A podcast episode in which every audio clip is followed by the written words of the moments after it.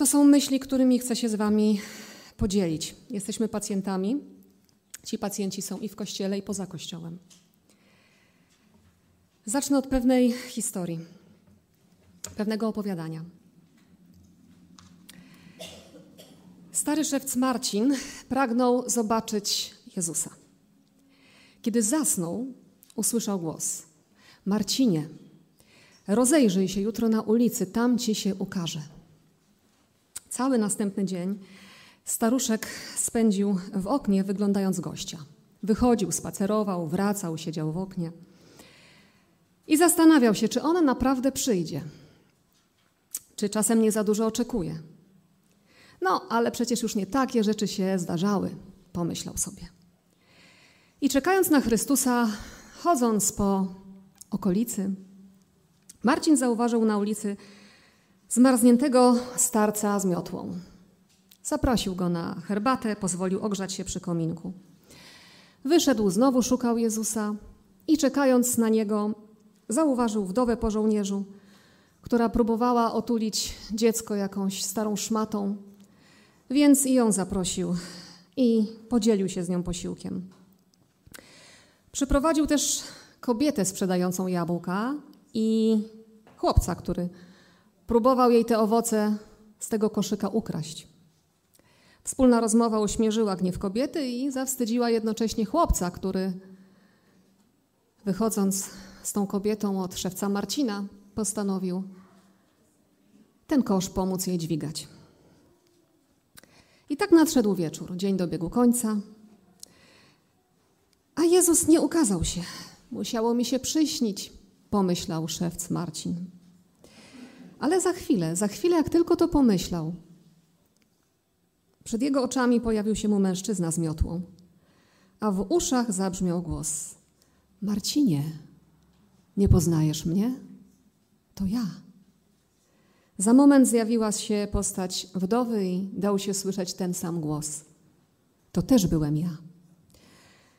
Marcin zobaczył kobietę z koszem jabłek i ponownie usłyszał: To także ja. I wtedy stary szewc pojął podstawową prawdę. Bóg jest blisko nas, w osobach innych ludzi. A nasz stosunek do bliźniego wyraża nasz stosunek do Boga. Pomagając innym, służymy Chrystusowi. Lekceważąc innych, lekceważymy Boga. Tę historię, a właściwie opowiadanie, napisał nawrócony ateista Lew Tolstoj. Jej tytuł Tam, gdzie jest miłość, tam jest Bóg. E, wiecie, jeszcze e, chyba nigdy nie było mi tak trudno przygotować tej refleksji. Ja zawsze przygotowuję tematy, które przede wszystkim mnie poruszają, mówią do mnie, uczą czegoś mnie i pokazują mi moje braki.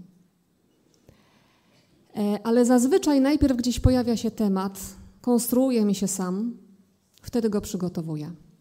Tym razem było trochę inaczej.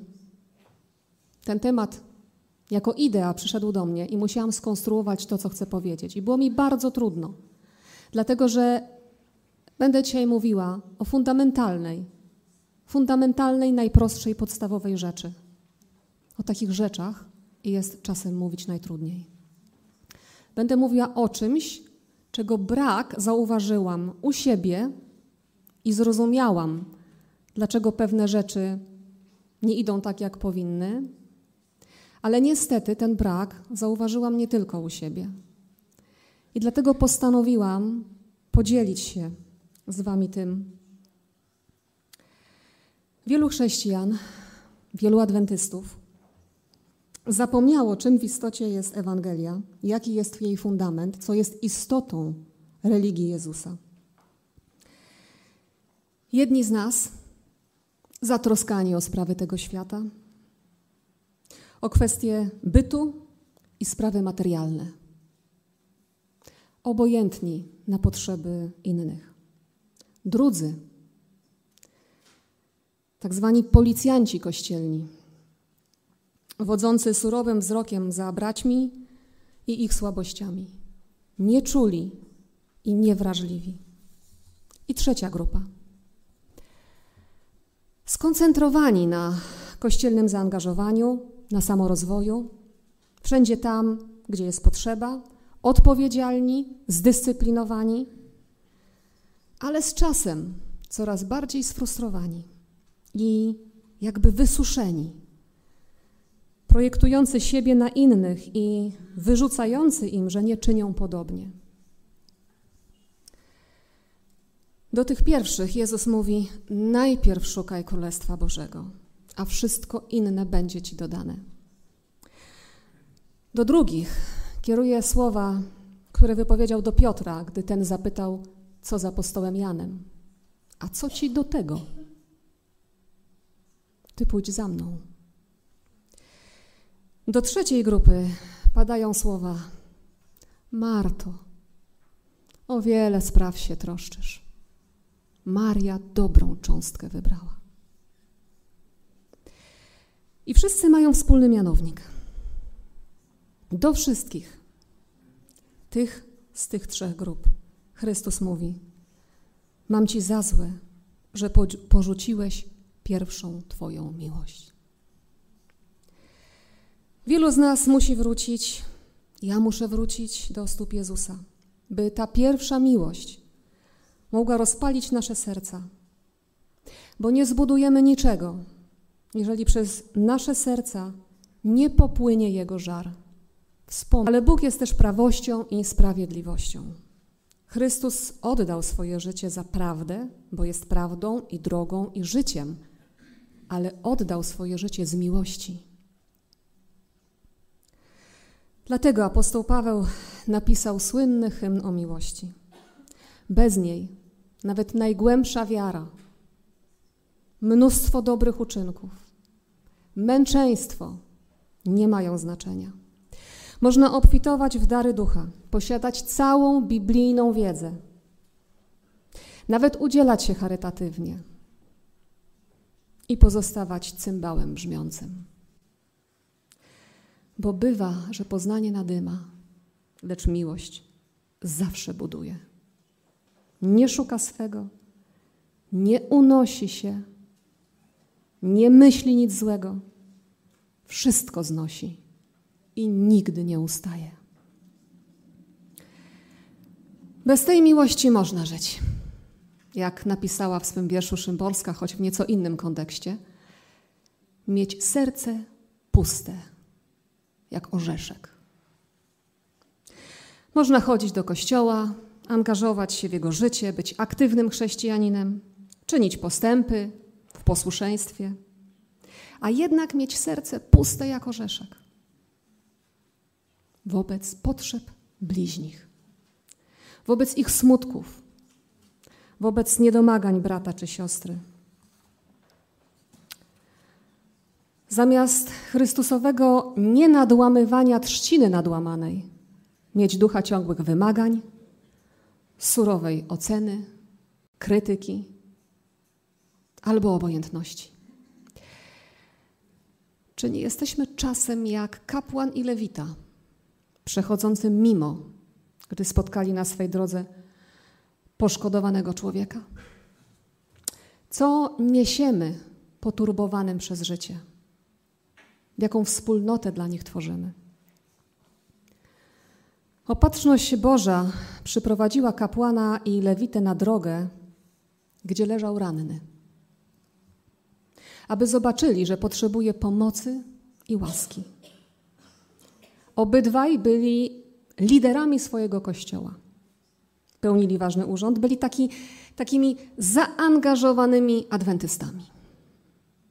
Ale ich egoizm i zimny formalizm zdusiły żar miłości rozpraszając tym samym łaskę, która powinna napełniać wonnością.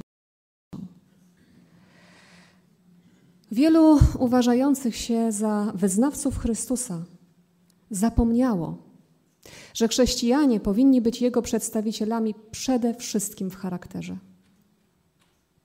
Jeśli w praktyce nie poświęcamy się dla dobra innych, czy to w gronie rodziny, sąsiadów, w kościele, czy wszędzie tam, gdzie się znajdujemy. Bez względu na wyznanie nie jesteśmy chrześcijanami. To nie święcenie soboty, choć bardzo ważne. Lecz jak napisała Ellen White w życiu Jezusa, okazywanie miłosierdzia przez dzieci Boże, ich życzliwość i miłość wobec wszystkich ludzi świadczą o charakterze ustaw nieba. Kto zaniedbuje okazywania tej miłości, łamie prawo, któremu deklaruje posłuszeństwo. Duch, jakiego przejawiamy wobec braci, sióstr, bliźnich, określa, jakiego ducha żywimy wobec Boga. Jeżeli nawzajem się miłujemy, Bóg mieszka w nas i miłość Jego doszła w nas do doskonałości. Czytamy. Akcentujemy prawo Boże, bo jest bardzo ważne. Mówimy o tych wszystkich odstępstwach w chrześcijaństwie i słusznie. Hmm. Ale przecież Jezus nie powiedział: Po tym wszyscy poznają, żeście uczniami mymi, jeśli będziecie głosić, strofować, choć to nam też zlecił. Ale jeśli miłość wzajemną mieć będziecie. Ciekawe. Czy właśnie nie to jest najtrudniejsze? A gdy przyjdzie Syn Człowieczy w chwale swojej i wszyscy aniołowie z Nim, wtedy zasiądzie na tronie swej chwały i będą zgromadzone przed Nim wszystkie narody i odłączy jedne od drugich. W ten sposób Chrystus opisał uczniom wielki dzień sądu, a wyroki uzależnił od spełnienia jednego warunku. Kiedy narody zostaną przed nim zgromadzone, będą istnieć tylko dwie kategorie ludzi, a ich wieczne przeznaczenie będzie uzależnione od tego, co uczynili albo co zaniedbali uczynić dla Chrystusa w osobach ludzi cierpiących. Jak pisze Ellen White, w tym dniu Chrystus nie będzie przedstawiał ludziom wielkiego dzieła, jakiego dokonał dla nich, oddając swe życie dla ich odkupienia.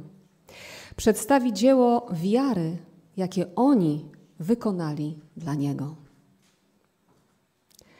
Tym, których postawi po swojej prawicy, powie: Pójdźcie, błogosławieni Ojca mego, odziedziczcie królestwo przygotowane dla Was od założenia świata.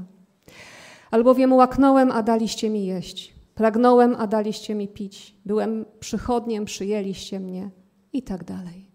Znamy te słowa bardzo dobrze. Ci, których Chrystus nie chwali,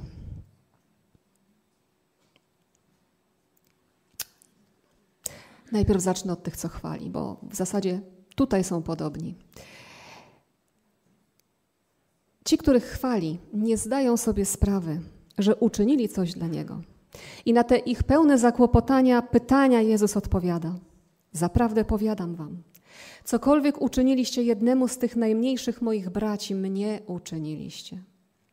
To jest dowód na to, że jesteście moimi uczniami. Każdy, kto miłuje, z Boga się narodził i zna Boga. Ci, którzy znaleźli się po lewej stronie Chrystusa, którzy zlekceważyli go w osobie biedaka, cierpiącego, nie mają świadomości. Nie mają świadomości swoich win. Byli zajęci sobą i nie dbali o potrzeby innych, byli obojętni. Nie umieją się postawić w ich położeniu, nie rozumieją ich pokus, ich zmagań, a miłosierdzie zamiera w ich sercach. Chrystus widzi to wszystko i mówi: To ja byłem głodnym i tym spragnionym, byłem wędrowcem i chorym, byłem w więzieniu. Kiedy wy ucztowaliście przy obficie zastawionych stołach, ja głodowałem w lepiance lub na pustej ulicy. Gdy wy odpoczywaliście w swoich wspaniałych domach, ja nie miałem gdzie się schronić. Kiedy wy beztrosko się bawiliście, ja cierpiałem w więzieniu. Czy kiedy wydzielaliście skąpe kęsy chleba głodującym, i oddawaliście im swoją zdartą garderobę, która miała chronić ich przed zimnem, pamiętaliście, że dajecie to Panu chwały? Przez całe wasze życie byłem obok was, w osobach tych utrapionych, ale wy mnie nie szukaliście. Nie będziecie mieć wspólnoty ze mną. Nie znam was. Jezus nie tylko mówił o miłości, on kochał. Słowo było rzeczywistością. On był słowem. To słowo można było nie tylko słyszeć, ale widzieć. Pójdźcie, a zobaczycie, mówił Jezus, dając do zrozumienia, że Ewangelia nie może być odseparowana od praktycznego życia. To tak jak w tej historii spotkania kaznodziei i przedsiębiorcy produkującego mydło. Gdy mężczyźni szli przez miasto, natknęli się na przeklinających, szarpiących się pijaków i wtedy właściciel fabryki tak ironicznie rzucił do kaznodziei. Tak długo głosicie Ewangelię, a jednak ludzie są nadal źli. Poszli dalej. Zobaczyli ubłoconego chłopca, który bawił się w kałuży, więc kaznodzieja skomentował. Tak długo sprzedajecie mydło, a jednak ludzie są brudni. Mydło jest dobre tylko wtedy, gdy się go używa, bronił się producent. Na co kaznodzieja odpowiedział: Tak samo jest z Ewangelią. Jezus nie zapraszał nikogo do rozważania teorii, lecz do doświadczania Jego mocy. Co się stało z nami, z Jego uczniami? Odpowiedź jest jedna. Mam Ci za złe, że porzuciłeś pierwszą Twoją miłość. Jezus nie głosił tyrat o konieczności kochania dzieci, ale po prostu je przytulał, okazywał im czułość. Nie opowiadał wspaniałych rzeczy na temat przyjaźni, lecz płakał nad grobem swojego przyjaciela. Nie wygłaszał patetycznych słów o świętości macierzyństwa, ale w chwili swej śmierci nie zostawił matki samej i oddał ją pod opiekę innego ucznia. Był Ewangelią ucieleśnioną i żywą, a my, spadkobiercy Jezusa, jak wygląda Twoje, moje życie? Czy Ewangelia nauczyła Cię tylko chodzić do kościoła? Może od czasu do czasu pomóc biednemu i rozdawać broszury o zbawieniu? Ale jednocześnie patrzeć surowo na tych grzesznych, zbyt słabych, by mogli dorównać Twoim standardom? A może w ogóle na nich nie patrzysz, bo Cię nie obchodzą? Czy jesteśmy chrześcijanami formy, czy istoty? Chrześcijaństwo to nie tyle przestrzeganie reguł, co raczej codzienne spotkanie z Jezusem.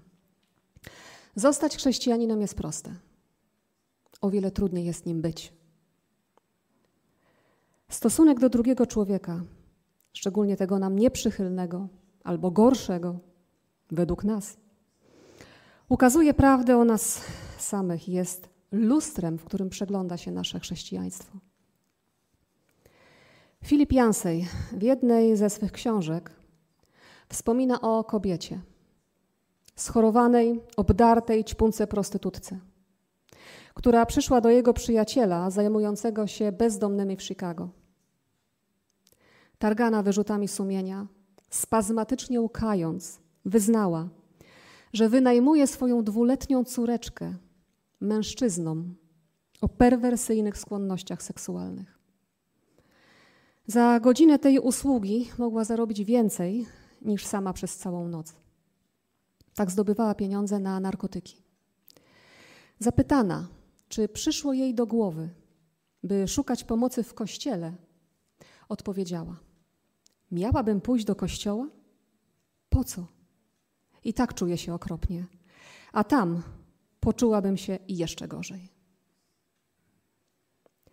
I nie wiadomo, co bardziej szokuje. Czy jej czyn, czy jej odpowiedź?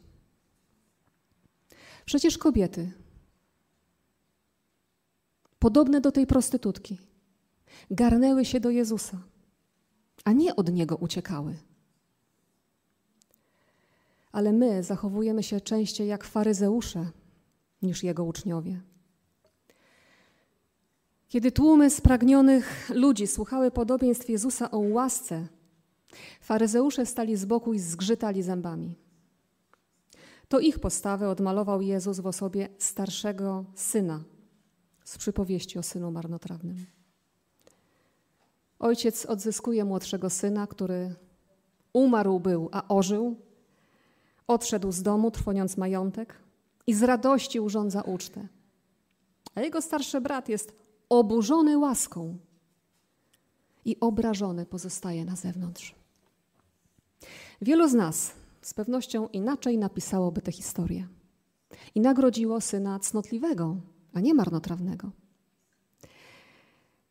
Gdy Fred Craddock podczas jednego ze swoich kazań celowo pozwolił sobie na pewną manipulację szczegółami tej przypowieści, mówiąc o ojcu, który obdarowuje pierścieniem i szatą starszego syna i urządza przyjęcie dla uczczenia jego długoletniej wierności, jego posłuszeństwa, jedna z kobiet siedzących w pierwszej ławce krzyknęła: Tak właśnie powinna wyglądać ta historia. Kościół powinien być schronieniem dla wszystkich, którzy czują się podle. Bo zgodnie z teologią, takie samopoczucie to nasz bilet wstępu. Jeśli coś sprawia, że czujemy się lepsi od innych, pielęgnujemy w sobie poczucie wyższości, to nie mamy wiele wspólnego z chrześcijaństwem. Bo Bóg bliższy jest grzesznikom niż świętym. I czasem lepiej rozumieją to niewierzący. Harold Frederick włożył w usta jednego z bohaterów swojej powieści, naukowca, sceptyka, filozofa, takie oto słowa, które ten bohater kieruje do księdza i pastora. Wydaje mi się logiczne, że Kościół powinien istnieć dla tych, którzy potrzebują Jego pomocy, a nie dla tych, którzy przez swoje własne wyznawanie wiary są już tak dobrzy, że to oni pomagają Kościołowi. Kościół powinien być społecznością ludzi potrzebujących łaski, a nie chełpiących się swoją pobożnością. Jansej, przytaczając przykład anonimowych alkoholików, pisze tak. Jeśli jesteś uczestnikiem grupy, nigdy nie pozwolą ci powiedzieć: Cześć, nazywam się Tom, byłem kiedyś alkoholikiem, ale teraz jestem wyleczony. Nawet jeżeli Tom nie napił się przez 30 lat, nadal musi uważać się za alkoholika. Gdyby wyparł się własnej słabości, stałby się jej ofiarą.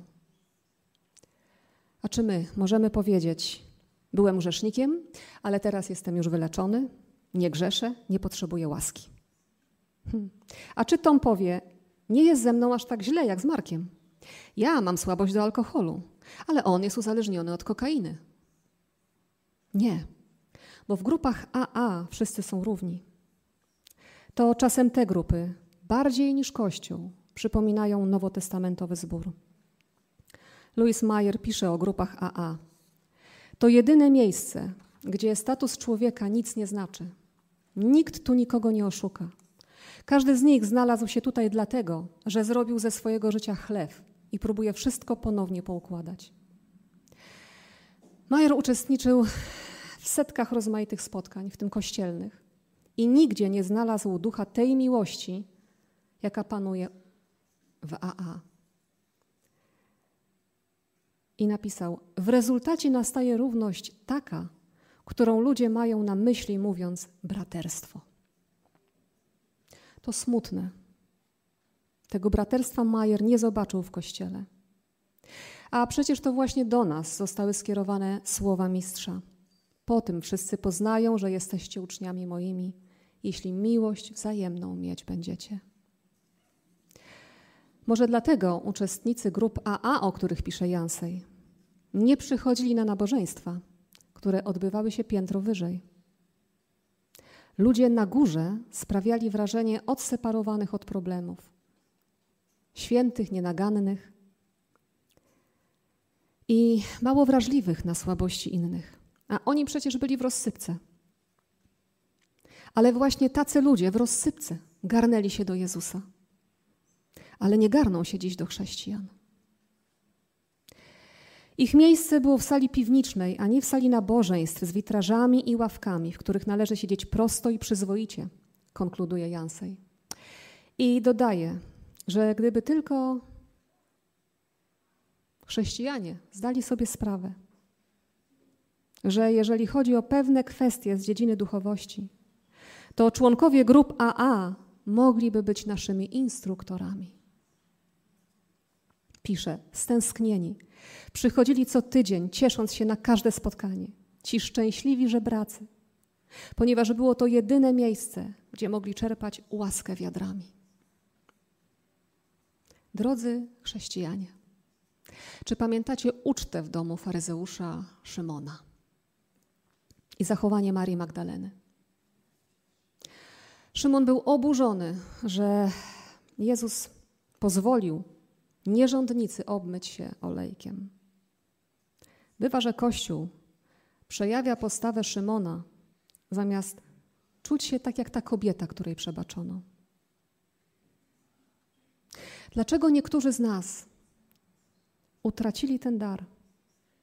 Przecież im gorsze mniemanie o sobie miał człowiek, tym chętniej rzucał się w ramiona Jezusa, doświadczał łaski. To tragedia, że my, którzy jej doświadczyliśmy, nie umiemy się nią dzielić z innymi. Jesteśmy surowi i wymagający, albo obojętni. Może właśnie dlatego, z powodu nieodrobienia tej pierwszej lekcji, serca niewypełnionego pierwszą miłością, nasze zbory nie rozwijają się tak, jakby się mogły rozwijać i jak tego pragniemy. Tyle akcji organizowanych, poświęcenia, wykładów, różnych imprez i tak niewielu zdobytych dla Jezusa. Ba, coraz więcej utraconych pokłóconych, urażonych, członków widmo. Nasza siostra Jadzia przywiozła z Australii książkę. Czy twój zbór potrzebuje reanimacji? Książkę napisał jeden z wyznawców, wieloletni starszy zboru. Opisuje tutaj ciekawe rzeczy. Poproszono go, żeby pomógł małym, małemu zborowi się rozwijać. Najpierw doznał klęski i w tym zborze nic nie wyszło.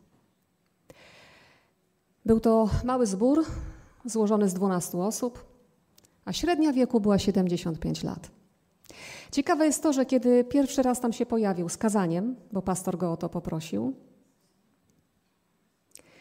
i spotkał, y, zaczął spotkanie y, przed rozpoczęciem z członkami tego zboru, żeby się zorientować, jak tutaj przebiega porządek, usłyszał coś takiego.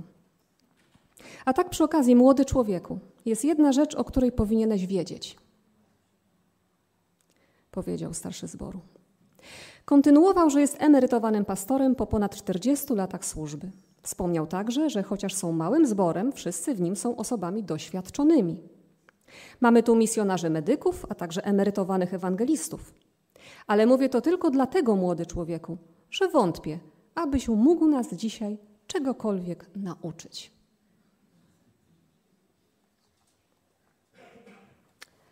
To jest ciekawe, ale nie był w stanie pomóc temu zborowi.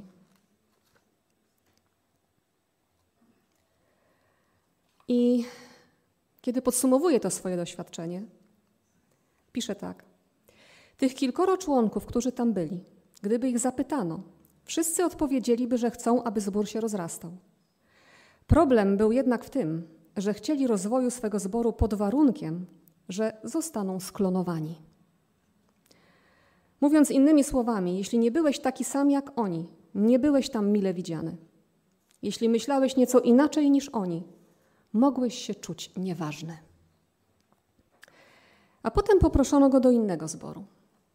Zbór był jeszcze mniejszy bo liczył osiem osób. I ten zbór też się chciał rozwinąć. Spotkał się z członkami zboru po swoim pierwszym po swojej pierwszej nieudanej próbie, dość sparzony, aby wiedzieć, czy będą z nim współpracować i czy przyjmą jego warunki. Powiedział, że są dwie zasady, na których będzie opierał swoją pracę i czy oni się z tym zgadzają. I napisał tak. Zasada pierwsza dotyczy uczynienia zboru najbezpieczniejszym i najradośniejszym zborem w okolicy, nie tylko w czasie nabożeństwa, ale także ze względu na radowanie się chrześcijańską wspólnotą. Zbór musi stać się miejscem, gdzie ludzie zapomną o swoich problemach, a może nawet niektóre rozwiążą. Zbór nie może być miejscem, gdzie przybędzie im problemów. Bez względu na ich przekonania, kolor skóry, credo, status czy pochodzenie, muszą się czuć mile widziani. I powiedział do członków tego zboru: Wszystko, czego nam potrzeba, to być miłymi i kochającymi i okazywać ducha Chrystusowego we wszystkim, co czynimy, a wierzę, że wtedy wypełnią się ławki. I wtedy zapytano go, jaka jest druga zasada, bo chcieliby ją poznać. A on odpowiedział: Zasada druga brzmi: nigdy nie zapominaj o zasadzie pierwszej. Ellen White napisała: Bez miłości Chrystusa w sercu chrześcijański sługa nie odniesie sukcesu w pracy. Apostołowie Piotr i Paweł piszą w swoich e, listach o zarządzaniu Bożą łaską. Jansej porównuje to do rozpylacza perfum. Gdy naciskasz pompkę pachnącego flakonika, w pokoju zmienia się nastrój. Wystarczy parę kropli, by poczuć się inaczej. Ale dalej pisze ze smutkiem. Martwię się, że wizerunek chrześcijanina zmienia się dziś powszechnie i flakon perfum z rozpylaczem jest coraz częściej zastępowany innym przyrządem do rozpylania. Takim, którego używa się do tępienia insektów. O, karaluch, pompowanie, rozpylanie, pompowanie, rozpylanie. I chyba tak właśnie widziała Kościół ta nieszczęsna kobieta, która za pieniądze oddawała swoją córeczkę zboczeńcom. A czy ktoś bardziej niż ona może potrzebować łaski? A przecież Kościół jest ramieniem Jezusa, więcej Jego ciałem. Jezus ukazał nam potęgę miłosierdzia.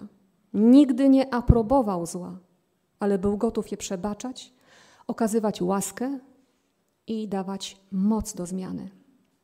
W jakiś sposób Jezus zdobył reputację miłującego grzeszników. Zróbmy wszystko, byśmy tej reputacji nie utracili. Jeżeli świat brzydzi się zatwardziałym grzesznikiem, pisze Jansej, Kościół powinien go miłować. Gdy świat chce zysku i satysfakcji, Kościół chce ofiary i służby.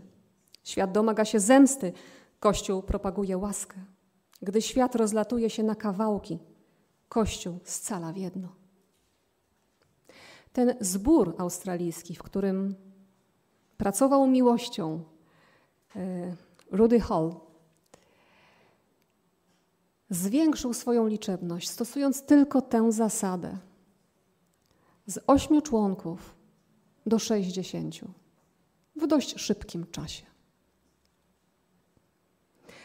Mahatma Gandhi przyznał, że chrześcijaństwo ma wspaniałą doktrynę, najlepszą ofertę, ale zaraz potem dodał: Gdyby nie chrześcijanie, stałbym się chrześcijaninem. Nie ma nic gorszego od stwarzania pozorów. Pozorni chrześcijanie przeszkadzają tysiącom Gandhich przyjść do źródła. Bóg nienawidzi pozorów. Czy zastanawialiście się kiedyś, dlaczego Jezus przeklął drzewo figowe?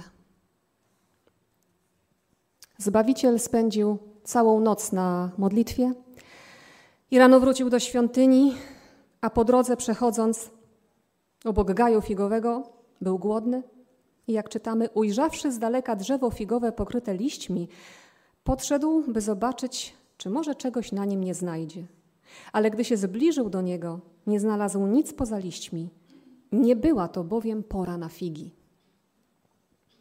No to skoro nie była to pora na figi i było to oczywiste, dlaczego Jezus tak się zachował i dlaczego to zrobił. Dlaczego przeklął to drzewo? Drzewo wydawało się wyprzedzać pozostałe. Całe pokryte było liśćmi.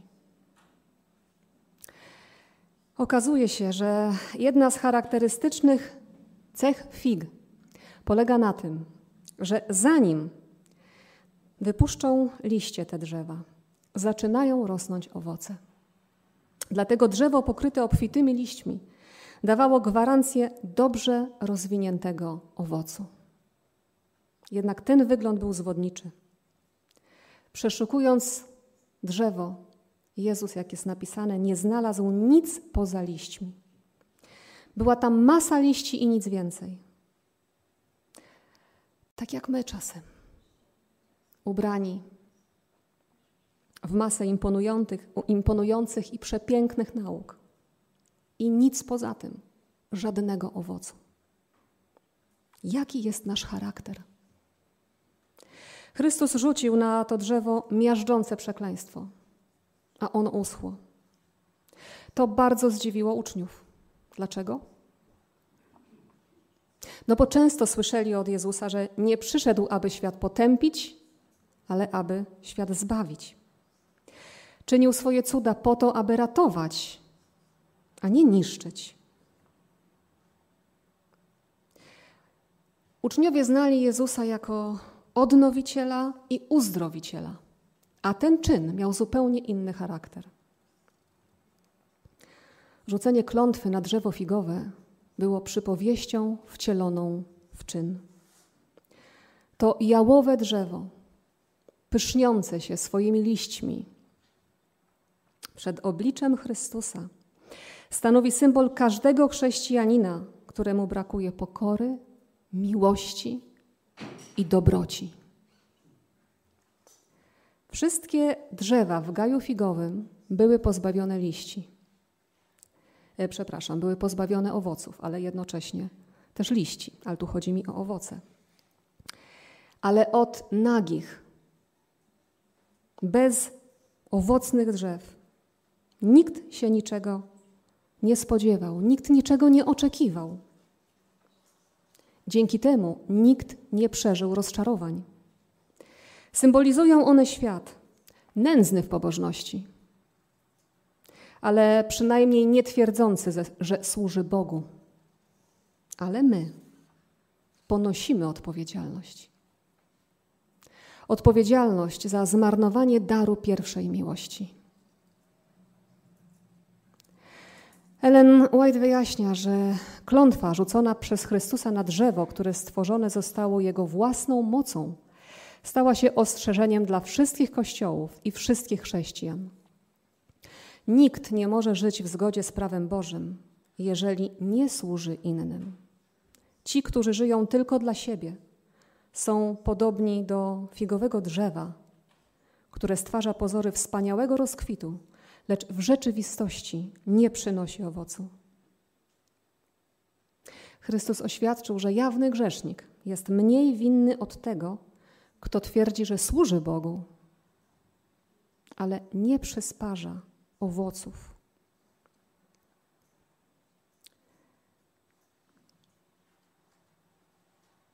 I jeszcze jeden cytat Ellen White.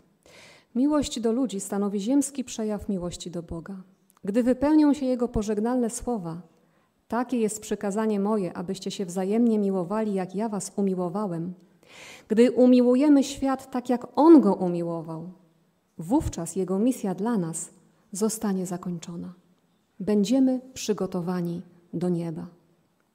Natomiast ci, którzy siedząc w kościelnych ławach, szli przez życie myśląc wyłącznie o sobie i troszcząc się tylko o siebie, umieszczeni zostaną przez sędziego wśród tych, którzy czynili źle, zostaną tak samo potępieni. W zasadzie to jest oczywiste, że człowiek, który jest obojętny, egoistyczny i skupiony na sobie, będzie tak osądzony. To jest nietrudno zrozumieć. Że Chrystus nie jest zadowolony z tego postępowania i je potępia. Ale Marta Marta nie była obojętna. Marta była zadaniowcem. Krzątała się, krzątała się,